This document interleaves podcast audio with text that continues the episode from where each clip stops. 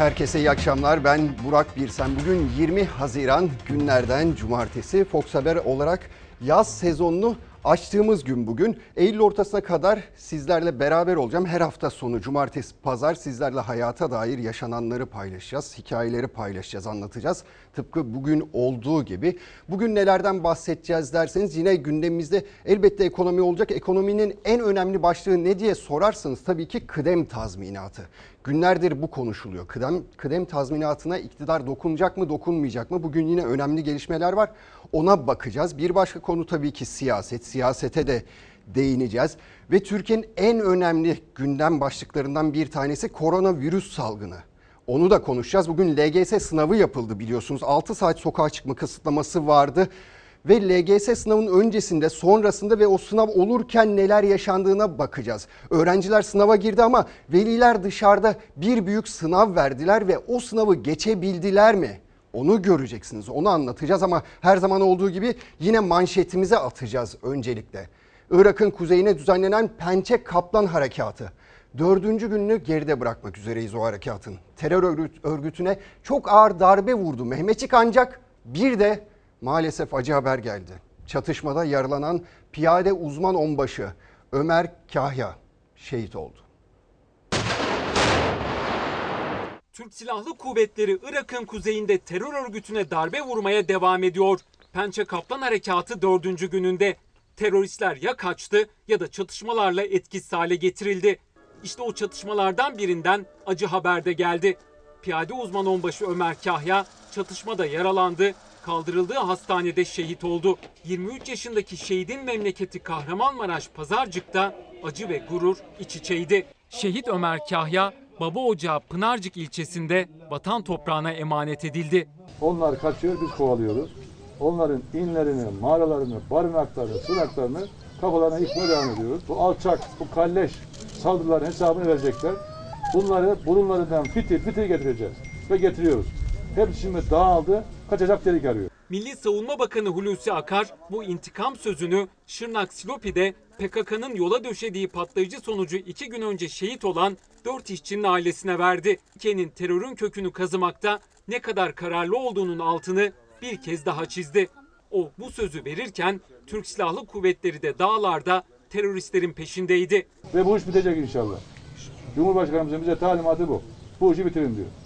Ne mal olursa olsun. Hulusi Akar yine gece boyunca Türk Silahlı Kuvvetleri'nin komuta kademesiyle birlikte harekat merkezindeydi. Bir sonraki durağı operasyon bölgesine en yakın nokta olan sınırın sıfır noktası 950 metre yükseklikteki Siyah Kaya üst bölgesiydi. Vatan ve millet uğruna seve seve can vermeye hazırda sayın komutanım. Sağ ol. Sahadaysa tespit edilen hedefler silahlı insansız hava araçlarıyla yoğun ateş altında. Komandolar da zorlu arazi koşullarında ilerliyor. Dört terörist daha etkisiz hale getirildi. Kara ve hava birliklerinin açtığı ateşler sonucu şimdiye kadar yerle bir edilen hedef sayısı 700'ü aştı. 150'ye yakın sığınak ve mağarayla çok sayıda mühimmat ve silah ele geçirildi. İmha edilen el yapımı patlayıcı ve mayın sayısı da 160'tan fazla. PKK varlığından Irak Kürt Bölgesel Yönetimi de rahatsız.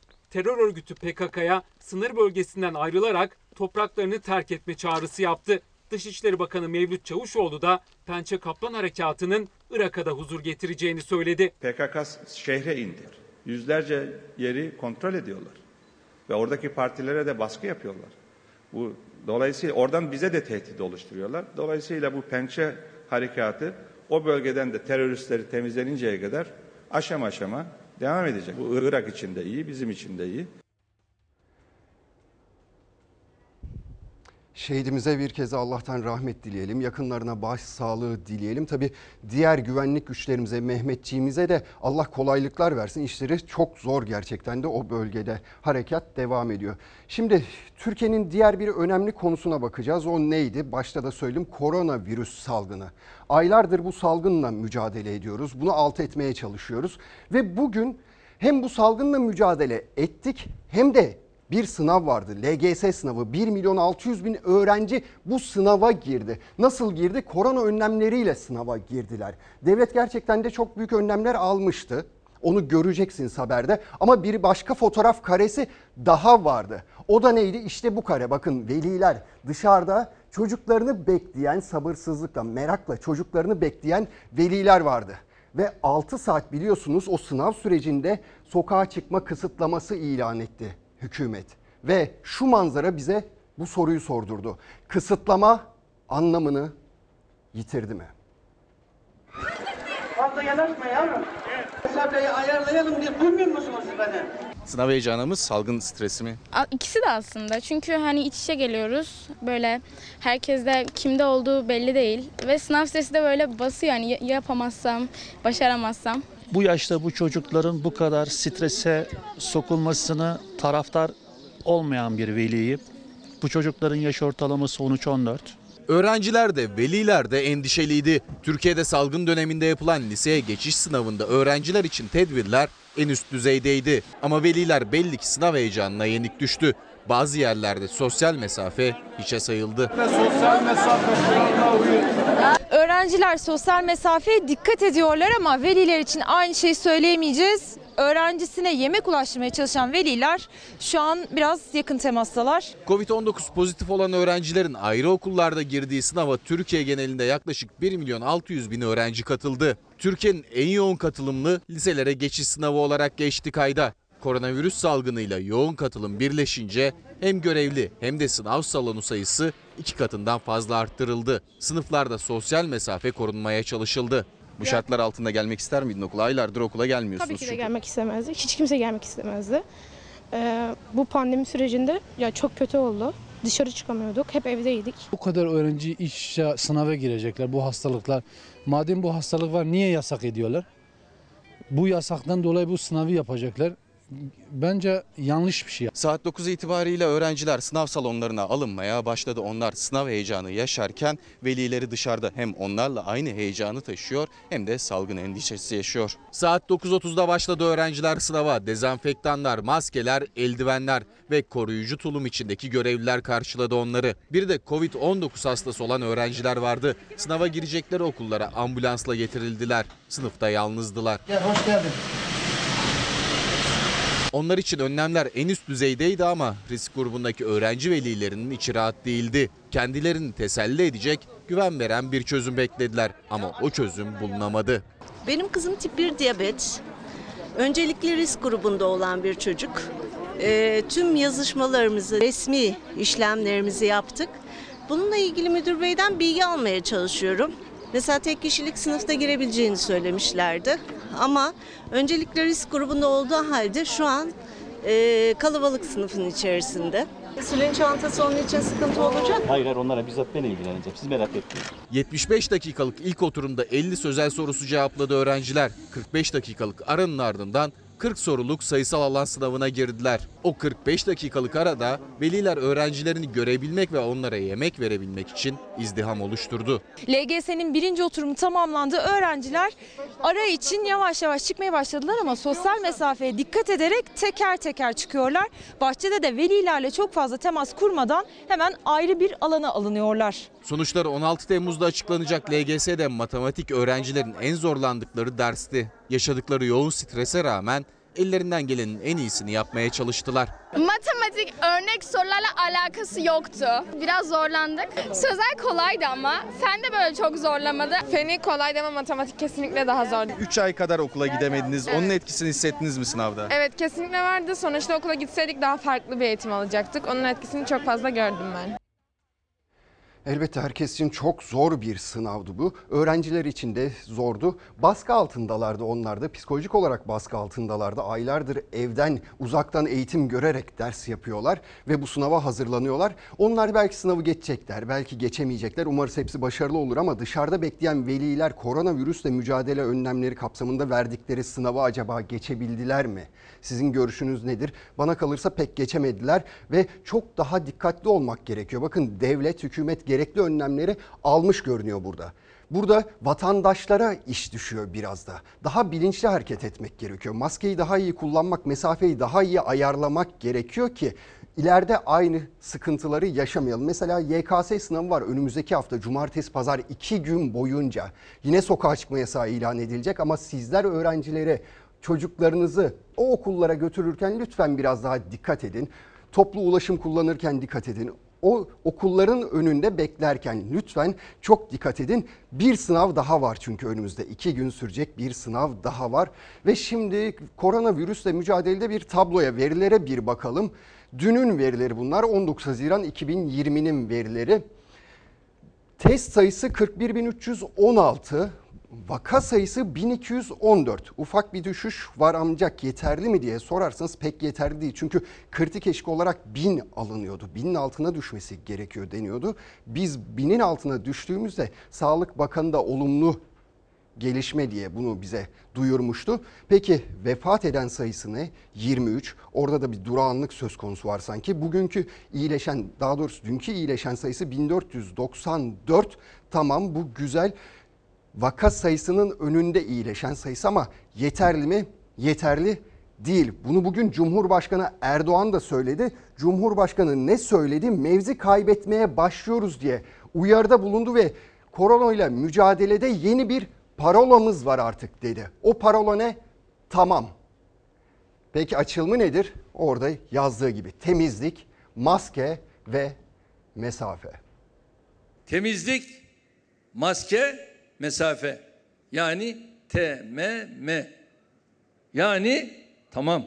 Unutmayınız bu kurallara uymamak kul hakkına girmektir. Bu dikkat ve hassasiyetle inşallah kısa sürede salgını gündemimizden tamamen çıkartacağımıza inanıyorum. Cumhurbaşkanı Erdoğan tamam dedi. Üç kuralı tekrarladı. Ama sokakta temizlik, maske, mesafe yani tamam değildi görüntüler. Sokağa çıkma kısıtlaması sonrası kurallar yine hiçe sayıldı. Yani inan arabaya asan, kulağının arkasına asan, koluna asan. Yani var. Maske var ama. Buraya indiren kullanılıyor. Maskeler hep altta. İkinci dalgada gelir, üçüncü dalgada gelir. İnsanlar çok sorumsuz davranıyor. Maskeniz inmişti. Biraz dedim hava alayım. Havada sıcak olduğu için. Ağzınızı ve burnunuzu e, kapatmanız gerekiyor. Alışamadım yani. Arkanız full kalabalık yani. Siz de görüyorsunuz. İnsanlar artık biraz tedbir olacak. Biraz bu virüste yaşamayı öğrenmemiz lazım. Kısıtlama biter bitmez sokaklar o kalabalık görüntüsüne döndü. Maske takma zorunluluğuna rağmen hiç maskesi olmayanlar vardı. Yine kuralları ihlal edildi. Uymayanlar da var yani görüyoruz maskeler çene altında olanlar var. Hiç maskesiz çıkanlar var. Saat 15'te kısıtlama sona erdi. Kısıtlama biter bitmez dışarı çıkanlar AVM önlerinde yoğunluk oluşturdu. Bir alışveriş merkezine uğrayacağız. Güzel hava evde kalınmıyor. Hava güzel ama siz AVM'ye gidiyorsunuz. AVM hani çok gezmeyeceğiz. Yani aslında 3 saat boyunca kalınca çok tehlike oluyor. Yani mesafeyi de koruduğumuz zaman bir sıkıntı olacağını düşünmüyorum. Çocuk için geldik. Normalde gelmeyiz. LGS'de görevliydim. Sınav bitti. Pazartesi de kızımın doğum günü. Hediye almam gerekiyor. O yüzden geldim. Normalleşme sürecinden sonra vaka sayıları günlük 1500'lere ulaşmıştı. Son birkaç günün tablosuna bakınca hayatını kaybeden kişi sayısında artış, vaka sayısında ise azalma var. 19 Haziran'da 1214 yeni vaka, 23 yeni ölüm kayda geçti. Yoğun bakımda yatan hasta sayısında ise artış var. Sağlık Bakanı Koca Ankara ve İstanbul'da vaka sayılarında düşüş olduğunu vurguladı. İstanbul ve Ankara son bir haftanın en düşük vaka sayısı başarısını gösterdi. Ülke genelinde yeni vaka sayısı azalmaya devam ediyor. İyileşen vaka sayımız dün olduğu gibi bugün de yeni vaka sayısının üstünde. Tedbir karşılıklı olursa sonuç veriyor. Virüsü kontrol altında tutabilmek için tüm kurallara harfiyen uyulması gerekiyor. Durumun ciddiyetini Cumhurbaşkanı Erdoğan da mevzi kaybettik sözüyle ortaya koydu. Son günlerde yayınlanan rakamlar salgınla mücadelede mevzi kaybetmeye başladığımıza işaret ediyor. Şimdi Sayın Cumhurbaşkanı yapıyor bu açıklamayı dikkate almak lazım. Mevzi kaybettik diyor kendisi. Daha fazla kaybedersek daha fazla acılar çekebiliriz, başa dönebiliriz. 3 ay öncesine geri dönersek yaşayacaklarımızı düşünün şu sıcak havalarda. O yüzden şu parolaya uymak gerekiyor. Tamam parolasına uymak gerekiyor. Nedir? Temizlik, maske ve mesafeye dikkat etmemiz gerekiyor ve özelliklere bakın maske çok çok çok önemli. Hani sıcak havadır ben bunu aldım takmayacağım demeyin lütfen. Neden demeyin? Profesör Doktor Bülent Tutluoğlu Akademik Solunum Yolu Yönetim Kurulu Başkanı kendisi şu uyarıda bulunuyor. %80 burundan bulaşıyor diyor bu virüs. Ve burnu iyi kapatmamız lazım ki virüs bize bulaşmasın diyor. Bir başka araştırmayı da paylaşayım ben sizle hemen bunun arkasından. Bir metre mesafeden az yaklaştığımız zaman bulaşma olasılığı virüsün yüzde 13. Yani şurama gelirseniz benim bu virüsün bulaşma ihtimali bana yüzde 13 ama 1 metrenin yukarısına çıkarsanız 2-3 metre mesafeden birbirimizle sohbet edersek veya herhangi bir yere gittiğimizde bu mesafeyi korursak o zaman virüsün bulaşma oranı %2,6'ya kadar düşüyor. İşte maske ve mesafeyi korumak bu kadar hayati önem taşıyor. Şimdi Türkiye'de durum böyleydi. Biz kendimize dikkat edeceğiz. Dünyada durum nasıl ona bakacağız. Pek iyi gitmiyor açıkçası. Son 24 saatte 188 bin yeni vakaya rastlandı. Bu da ne demek? Şimdiye kadar bir günde kayıtlara geçen en yüksek vaka oranı demek. Hemen ardından bu vaka sayısına bakarak Dünya Sağlık Örgütü de endişelendiren bir açıklama yaptı. Dedi ki salgın tehlikeli bir evreye girdi. Kısıtlamalar kalktı, önlemler gevşetildi. Günlük vaka sayıları patlayıp en yüksek rakama ulaştı. Dünya Sağlık Örgütü salgının tehlikeli bir evreye girdiğini açıkladı. Avrupa ülkelerinde Covid-19 salgınında yavaşlama kaydedilse de dünya geneli için aynısını söylemek zor. Virüs özellikle Amerika kıtası ve Güney Asya ülkelerinde hızla yayılıyor. En ağır bilanço Amerika Birleşik Devletleri'nde. Can kaybı 122 bini, vaka sayısı 2 milyon 300 bini geçti. Covid-19'un etkisini artırdığı Güney Amerika'da en kötü durumda Brezilya var. Brezilya vaka sayısında dünyada 1 milyonu geçen ikinci ülke. Ülkede yeni vaka sayısı da patlama yaptı. 54.771 kişiyle bir gündeki en yüksek rakama ulaştı. Dünyada en çok ölümün görüldüğü ikinci ülke olan Brezilya'da son 24 saatte 1206 kişi daha öldü. Toplam ölü sayısı 48.954'e yükseldi. Durumun giderek kötüleştiği bir diğer yer Güney Asya ülkesi Hindistan.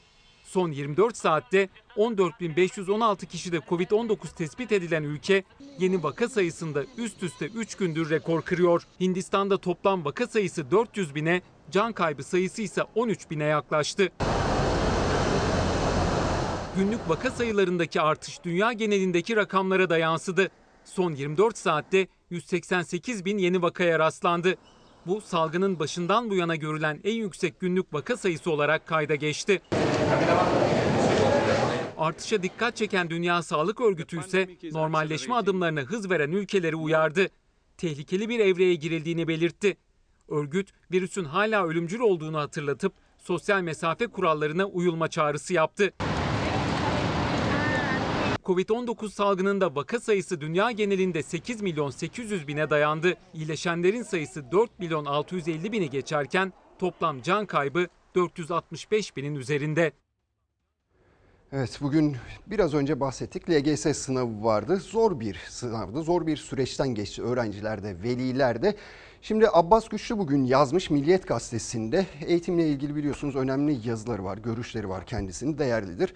Sınavla öğrenci alacak okul sayısı ve kontenjanlar mutlaka artırılmalı demiş.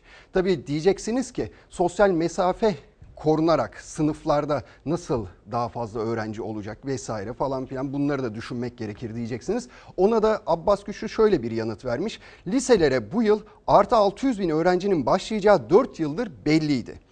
Önlemi alınmalıydı. Yani korona bahanesinin arkasına kimse saklanamaz demiş ve işte kontenjanlar mutlaka artırılmalı diye de bir kez daha söylemiş Abbas Güçlü. Şimdi siyaset diyeceğiz. Günlerdir, haftalardır biliyorsunuz erken seçimi tartışıyor siyaset. Seçimler 2023'te zamanında mı yapılacak yoksa daha erken bir tarih mi olacak? MHP lideri Devlet Bahçeli zamanında yapılacak dedi. İktidar hesabı yapanlar kundakçılık yapıyor diye de ekledi. Bahçeli'nin o sözlerine yanıt İyi Parti Genel Başkanı Meral Akşener'den geldi. Seçim isteyen muhalefet partisi lideri yok dedi. Kendileri söylüyorlar, kendileri hareket ediyorlar. 2023 görünüyor. Bu benim analizim. Milliyetçi Hareket Partisi Cumhur İttifakı'nın itibar ve iradesiyle zamanında yapılacak seçimlere hazırlanacak, şeytana da külahını ters giydirecektir. Sayın Bahçeli'nin beyanatını okudum. Şoka girmiş durumdayım. Muhalefetten herhangi bir genel başkan çıkıp da biz erken seçim istiyoruz gibi bir cümle sarf etmedi. Kendileri söylüyorlar, kendileri hakaret ediyorlar. Seçimlere kadar önümüzde 3 yıllık bir vakit var. Erdoğan-Bahçeli görüşmesinde erken seçim tartışmalarına son nokta konulmuş görünüyor. Bahçeli seçimler zamanında yapılacak derken muhalefeti hedef aldı. Cevap Bir Kent Bir Ülke YouTube kanalına konuşan İyi Parti lideri Meral Akşener'den geldi. Erken seçimi tartıştıran biz değiliz dedi Akşener. Seçimler için 2023 tahminini dile getirdi. Bu partili cumhurbaşkanlığı sisteminin de ekonomiyi bu hale getirmesi sebebiyle 2023'e kadar bugünkü iktidar taşıyamaz. Eski destek yok. O güç, o özgüven olsa belki yapabilirlerdi ama zannetmiyorum. Çünkü daha İstanbul'un, Ankara'nın, Antalya'nın hatırası çok taze. 31 Mart özellikle Ankara ve İstanbul öyle bir travma yarattı ki bu travmayı hala muhteremler aşamıyor. Erdoğan-Bahçeli görüşmesinin hemen ardından yeni partilerin milletvekili transferiyle grup kurarak seçimlere girmesini engelleyecek formül. Mecliste grubu olan parti seçime girer ifadesinin mevzuattan çıkarılması üzerinde çalıştıkları haberi de düştü kulislere. Şimdi transfer transfer diyenler bizim seçime girebilmemizi sağlayan o arkadaşlarımız, o çirkin çirkin konuşanlar çok da enteresan kendi elleriyle rozet takıyorlar. Transfer olan milletvekillerine, belediye başkanlarına. Ülkemizin müşkülatlı günlerinden iktidar hesabı yapmak ahlaksızlık ve kundakçılıktır. Mevcut seçim düzeniyle artık biz seçim kazanamayız. Kuralları değiştirerek acaba iktidarımızı sürdürebilir miyiz? Bizlerden korktular da yapıyorlar bakın. Erken seçim gündemi rafa kalkmış gibi görünse de zamanında da yapılsa seçim dengelerini etkileyecek yeni partiler ve yeni ittifaklar tartışması ise sıcaklığını koruyor. Akşener, Davutoğlu ve Babacan'a da Millet İttifakı'nın kapısının açık olduğunu söyledi. Ortak noktalarımız nedir? Parlament, güçlendirilmiş parlamenter sistemdir, demokrasidir. Bu arkadaşlarımızın da burada yer almasında bir sakınca yok diye düşünüyorum. Geldiğimiz bu aşamada Türkiye'de gerçek hasta muhalefettir. Bu hastalığın adı da zillettir. Vatan Partisi, MHP ve AK Parti bir bütün oldular. İktidar muhalefet seçim takvimi için 2023'ü işaret etti ama söylemler, hazırlıklar her an seçim olacakmış gibi. Barolar tartışması var biliyorsunuz. Baroların seçim yapılarını değiştirmek üzere bir tartışma bu. Cumhurbaşkanı Erdoğan atmıştı ortaya ve 80 ilin baro başkanları da bir yürüyüş başlatmışlardı. Ankara'ya doğru bir yürüyüş başlatmışlardı. Adı savunma yürüyüşü demişlerdi adına da. Şimdi bir kişi vardı konuşmayan Metin Feyzioğlu. Türkiye Barolar Birliği Başkanı kendisi. O sessizliğini bozdu. Eleştirilerden rahatsız olduğu için mi sessizliğini bozdu? Başka bir sebebi var mıydı onu bilmiyoruz ama ne dedi? Ben de karşıyım ama diye başladı cümlesine bakın sonunu da nasıl getirdi. Baroların başlattığı yürüyüşün hafızalara kazınan görüntüsü. Şiddetli yağmur altında yürüyüşünü elinde şemsiyesi, üstünde cübbesiyle sürdüren Giresun Barosu Başkanı Avukat Soner Kandemir. Barolar bölünürse, parçalanırsa halkın sesi kısılır. Çoklu baro sistemi öncelikle devletimizin üniter yapısının altına dinamit koymaktan başka bir şey değildir. İllegal yapılanmalar için yıllardır bekledikleri bir fırsat aslında bu. Çoklu baro denilen e, kavrama Türkiye Barolar Birliği karşı. 80 baromuz da karşı. Sayın Cumhurbaşkanımıza da yanlış olduğunu söyledim. Baroların seçim sisteminde ve yapısında yapılması düşünülen yasa değişikliğine tepki göstermek için eş zamanlı olarak baro başkanlarının Ankara'ya başlattığı yürüyüş sürerken Türkiye Barolar Birliği Başkanı Metin Fevzioğlu da konuştu. Çoklu baroya ben de karşıyım dedi ama yürüyüşü eleştirdi. 80 baro yürüyor. Böyle bir şey yok. Bildiğim kadarıyla 30 civarı. Bu yürüyüş avukatların yargının sorunlarını çözmek için midir? Yoksa başka bir şey için midir? Yürüyüşün baro ve avukatların sorunlarının çözümü için olmadığını savundu Fevzioğlu. CNN Türk'te katıldığı programda İstanbul ve Ankara baro başkanlarını Adalet Bakanı ile yapılan görüşmeye gelmemekle suçladı. Yürüyeceksiniz. Peki bir demokratik hak. Meclise derdinizi anlatmak için yürüyeceksiniz değil mi? E meclis sizi davet etmiş. Gel bana derdini anlat demiş. Sen oraya gitmiyorsun. Türkiye'de ilk kez 80 baro bir tavır koymak suretiyle bu değişikliklere karşı olduklarını, teklif geri çekilirse bu katkıyı vereceğimizi Aksi takdirde eylemlilik sürecine başlayacağımızı ilan etmiştik. 80 baro bir ay önce ortak bildiriye imza attı. Baroların yapısı avukatlık kanununun hazırlanması aşamasında asıl muhatap barolar olmalı diye. İktidarla ortak noktada buluşulamayınca eyleme geçildi ama Türkiye Barolar Birliği Başkanı Feyzioğlu yürüyüşe katılan barolarla bir kez daha ayrıştı. Seçim sistemini eleştirdi. İstanbul Barosu'nun 48 bin üyesi var. 20 bini seçime gidiyor. 28 bini yaklaşık bir şey beklemiyor, gitmiyor. 8 bin oy alan liste tüm yönetim kurulunu, disiplini, denetimi firesiz çıkartıyor. 40 küsur bin kişi temsilsiz kalıyor. Avukatsız ifadesi alınan insanlar, kötü muamele gören insanlar avukatsız kalacak. Bunları barolar bölürse kimse yapmayacak. Bazı sevgili arkadaşlarımız siyasi parti söylemi ile hukuk söylemi arasında e, çizgiyi tutturamıyorlar. Bu kutuplaşmanın bir tarafı olmamızı istiyorlar. Ben reddettiğim için ateş altındayım. Barolara göre değişiklikte ısrar edilmesinin nedeni iktidara yönelik yapılan eleştirilerden duyulan rahatsızlık, baroların sesinin kısılmak istenmesi. Fevzioğlu da o tartışmanın ortasına koydu kendisini. Baro başkanlarının başlattığı savunma yürüyüşünde gözler Ankara'da verilecek mesajlarda.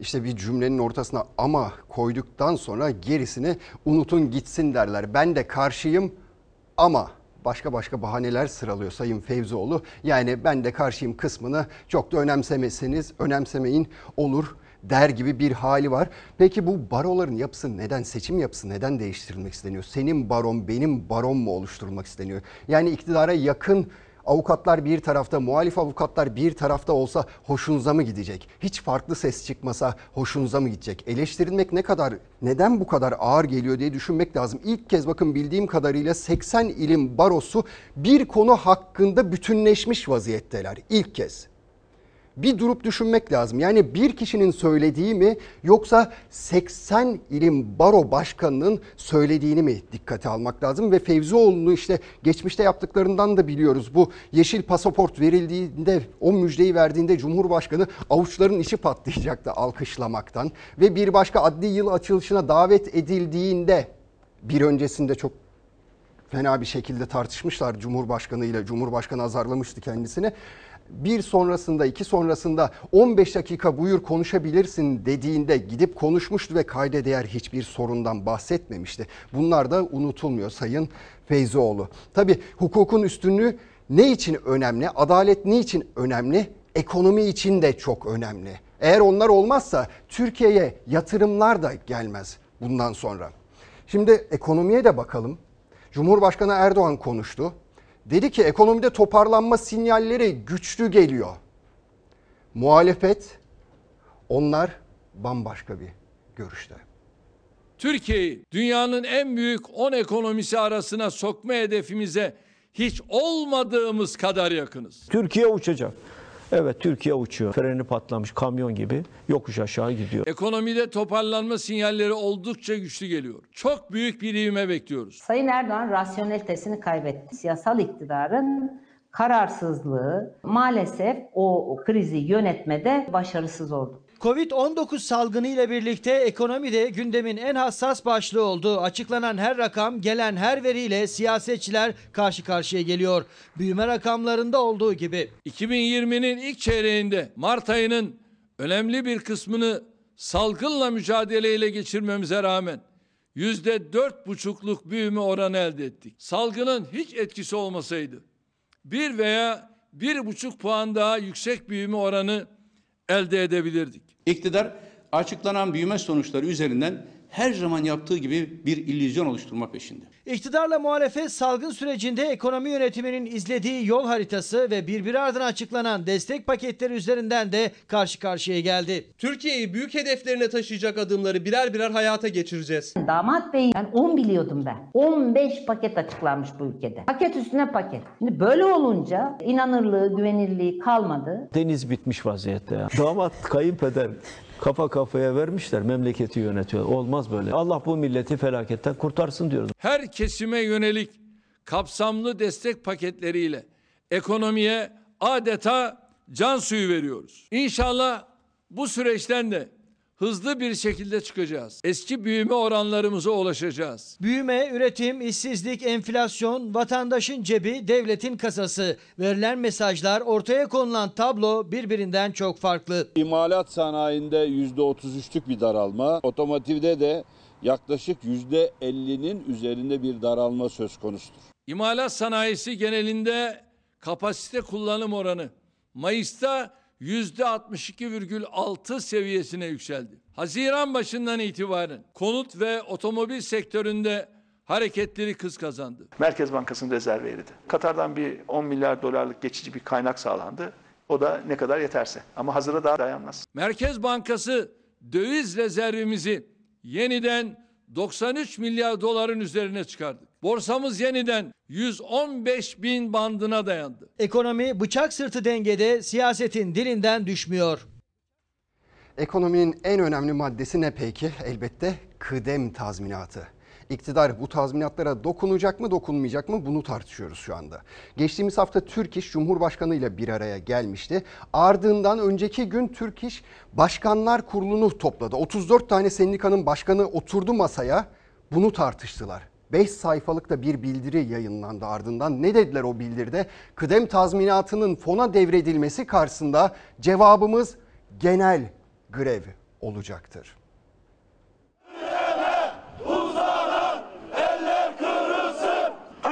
İşçi sınıfı bir şey dedi. Kıdeme uzanan eller kırılır. Buradan geri dönecek hiçbir şeyimiz yoktur. İşçiler karşı tüm sendikalar görüş birliğinde işverenler dahi onaylamıyor. Kıdem tazminatı sisteminin değiştirilmesine yönelik hazırlıklara tüm cephelerden olumsuz tepki geldi.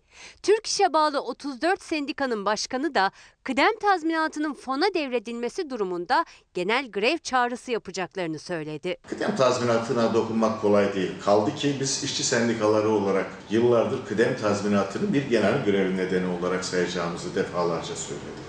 Çalıştığı her yıl çarpı 30 günlük brüt maaş. İşçinin işten ayrıldığında alacağı kıdem tazminatı yani güvencesi. Tamamlayıcı emeklilik sistemi kapsamında o güvencenin bir fona aktarılması planlanıyor. Sendikaların çalışmasına göre işçi hak kaybına uğrayacak. Ben beden işçisiyim. Kıdem tazminatı bizim çocuklarımızın çeyizi demek, düğün parası demek. En temel kazanılmış hakkımıza, birikmiş emeğimize, çocuklarımızın geleceğine yani kıdem tazminatımıza el uzatmaya çalışıyorlar. Bu hak kaybı karşısında sadece işçiler, işçi sendikaları değil patronlar da ses yükseltti. İşverenleri temsilen TOP Başkanı'yla Türk İş ve Hak İş Başkanları hafta içinde Cumhurbaşkanı Erdoğan ve Çalışma Bakanı ile bir araya geldi. Ancak uzlaşmaya varılamadı. Hem işçimiz için hem işverenimiz için çok sağlıklı bir yöntem olduğunun anlaşılacağını düşünüyoruz. Kıdem tazminatı işçinin alın terinin tek güvencesidir diyen sendikalarsa kararlı. 34 sendika başkanı Türk İş Başkanlar Kurulu'nda bir araya geldi. Görüşmenin ardından teşkilatlara 5 sayfalık değerlendirme notu gönderildi. Notta planlanan fon çalışma hayatının huzurunu bozdu denildi.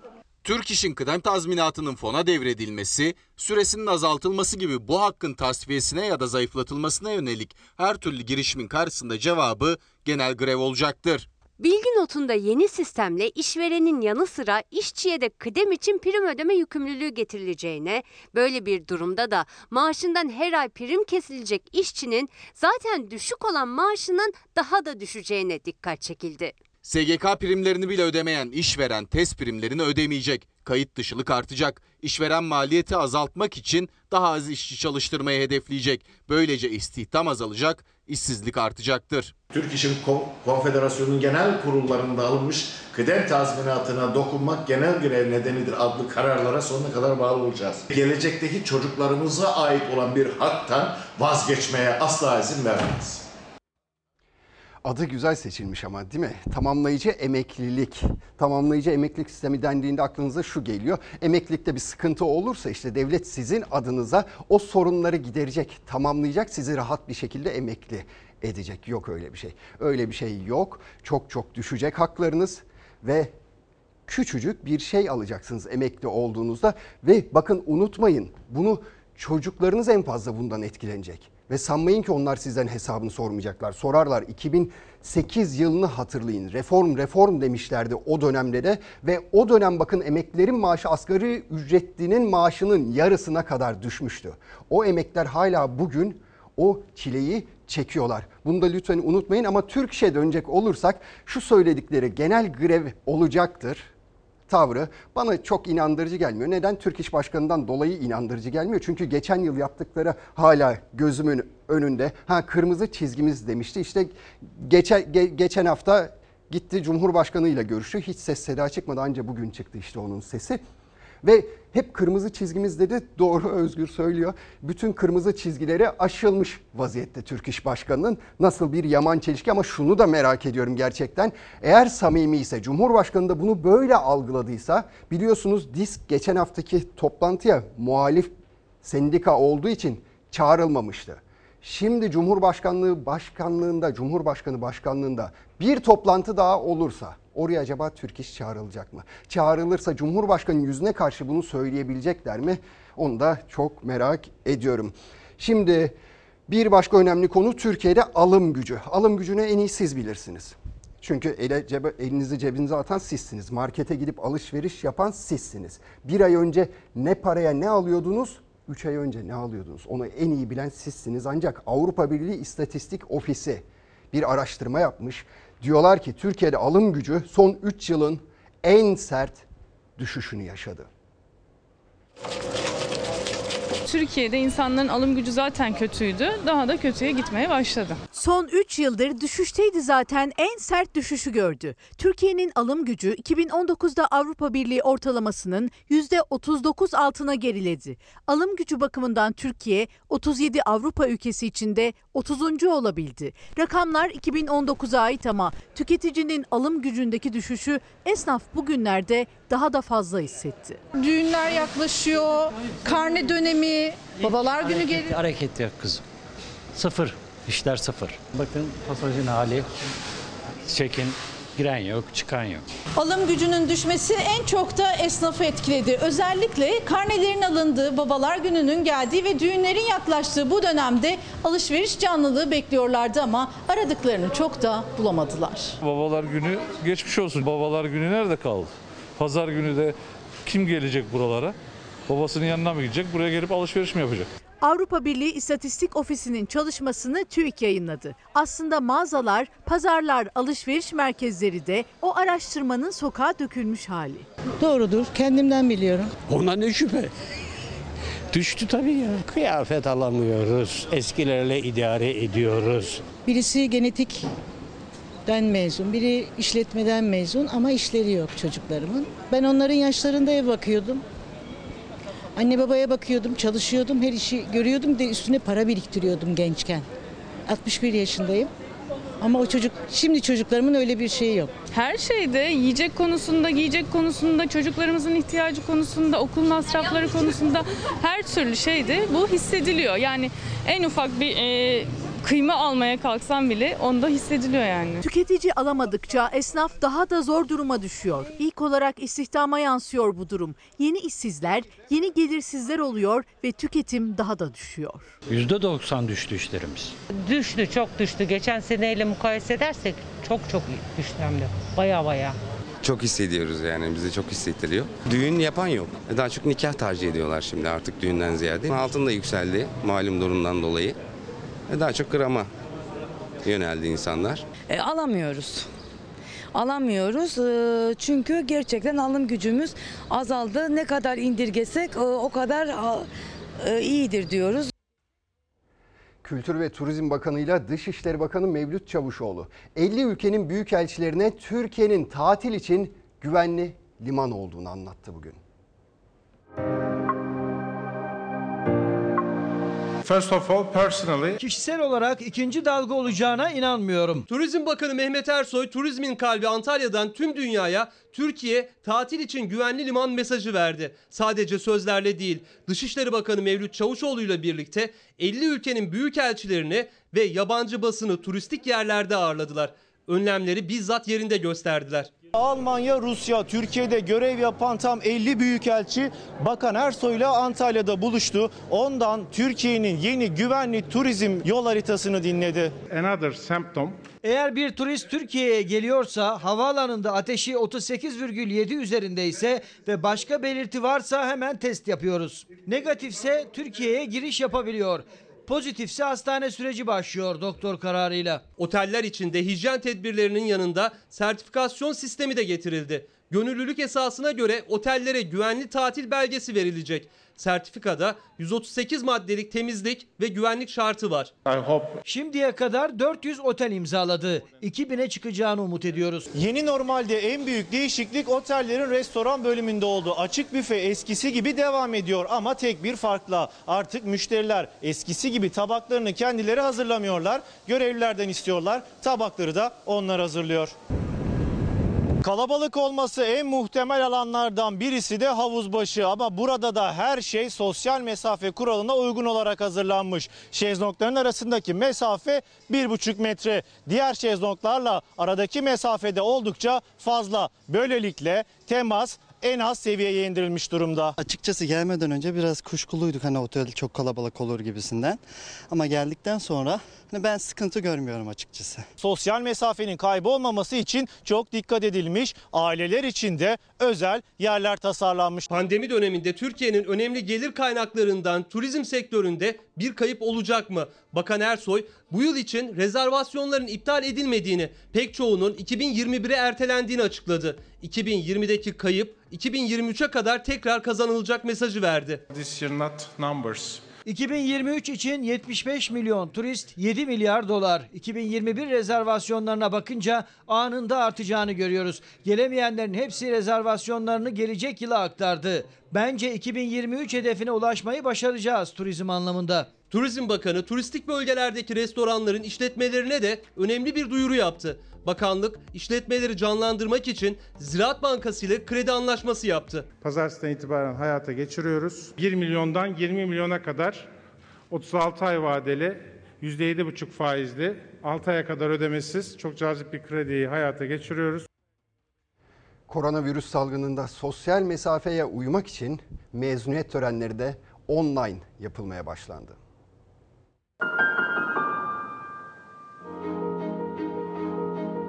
Biraz buruktu ama unutulmazdı. Covid-19 salgını nedeniyle üniversite öğrencileri online mezuniyet töreni yaptı. 2020 mezuniyet törenini unutulmaz yaptığımıza inanıyorum. 2020 mezunları da şunu kabul etsinler ki hiç unutulmaz bir mezuniyet törenleri oldu ve buna, bugüne kadar olandan ve bugünden sonra olacak olan tüm mezuniyet törenlerinden de ayrıcalıklı bir mezuniyet töreni oldu. Üniversite olarak online yani internetten yapılan törenlere yabancı değiller. 23 sene önce temel atma töreninde online yapılmıştı Sabancı Üniversitesi'nin. Bu kez de online mezuniyet töreni düzenlendi. 950 öğrenci mezuniyet heyecanını ekran başında aileleriyle birlikte yaşadı. 20 yıllık geçmişinde birçok ilki başarmıştır üniversitemiz. Bugün de yine öncülük yapıyoruz. Sabancı Üniversitesi'nin mezunları içinde ayrıcalıklı yerinizi sıra dışı ve unutulmaz bir şekilde alıyorsunuz. Salgın aslında öğrencilere hiçbir okulda öğrenemeyecekleri değerleri de öğretti. Üniversite kurucu mütevelli heyeti başkanı Güler Sabancı buna değindi. Covid-19'un yarattığı bu olağanüstü koşullar size daha genç yaşınızda sağlığın, ailenin önemini, esnek olmayı, uyum sağlamayı, çözüm odaklı olmayı ve hayatı gerektiği gibi ertelemeden yaşamayı öğretti. Reklam zamanı. Fox Ana Haber Bülteni'ni burada noktalıyoruz. Bizden hemen sonra Benimle Söyle yeni bölümüyle ekranlarınıza gelecek. Yarın akşam saat 19'da yeniden buluşuncaya dek umarım yüzünüzü güldüren güzel haberler alırsınız. Hoşçakalın.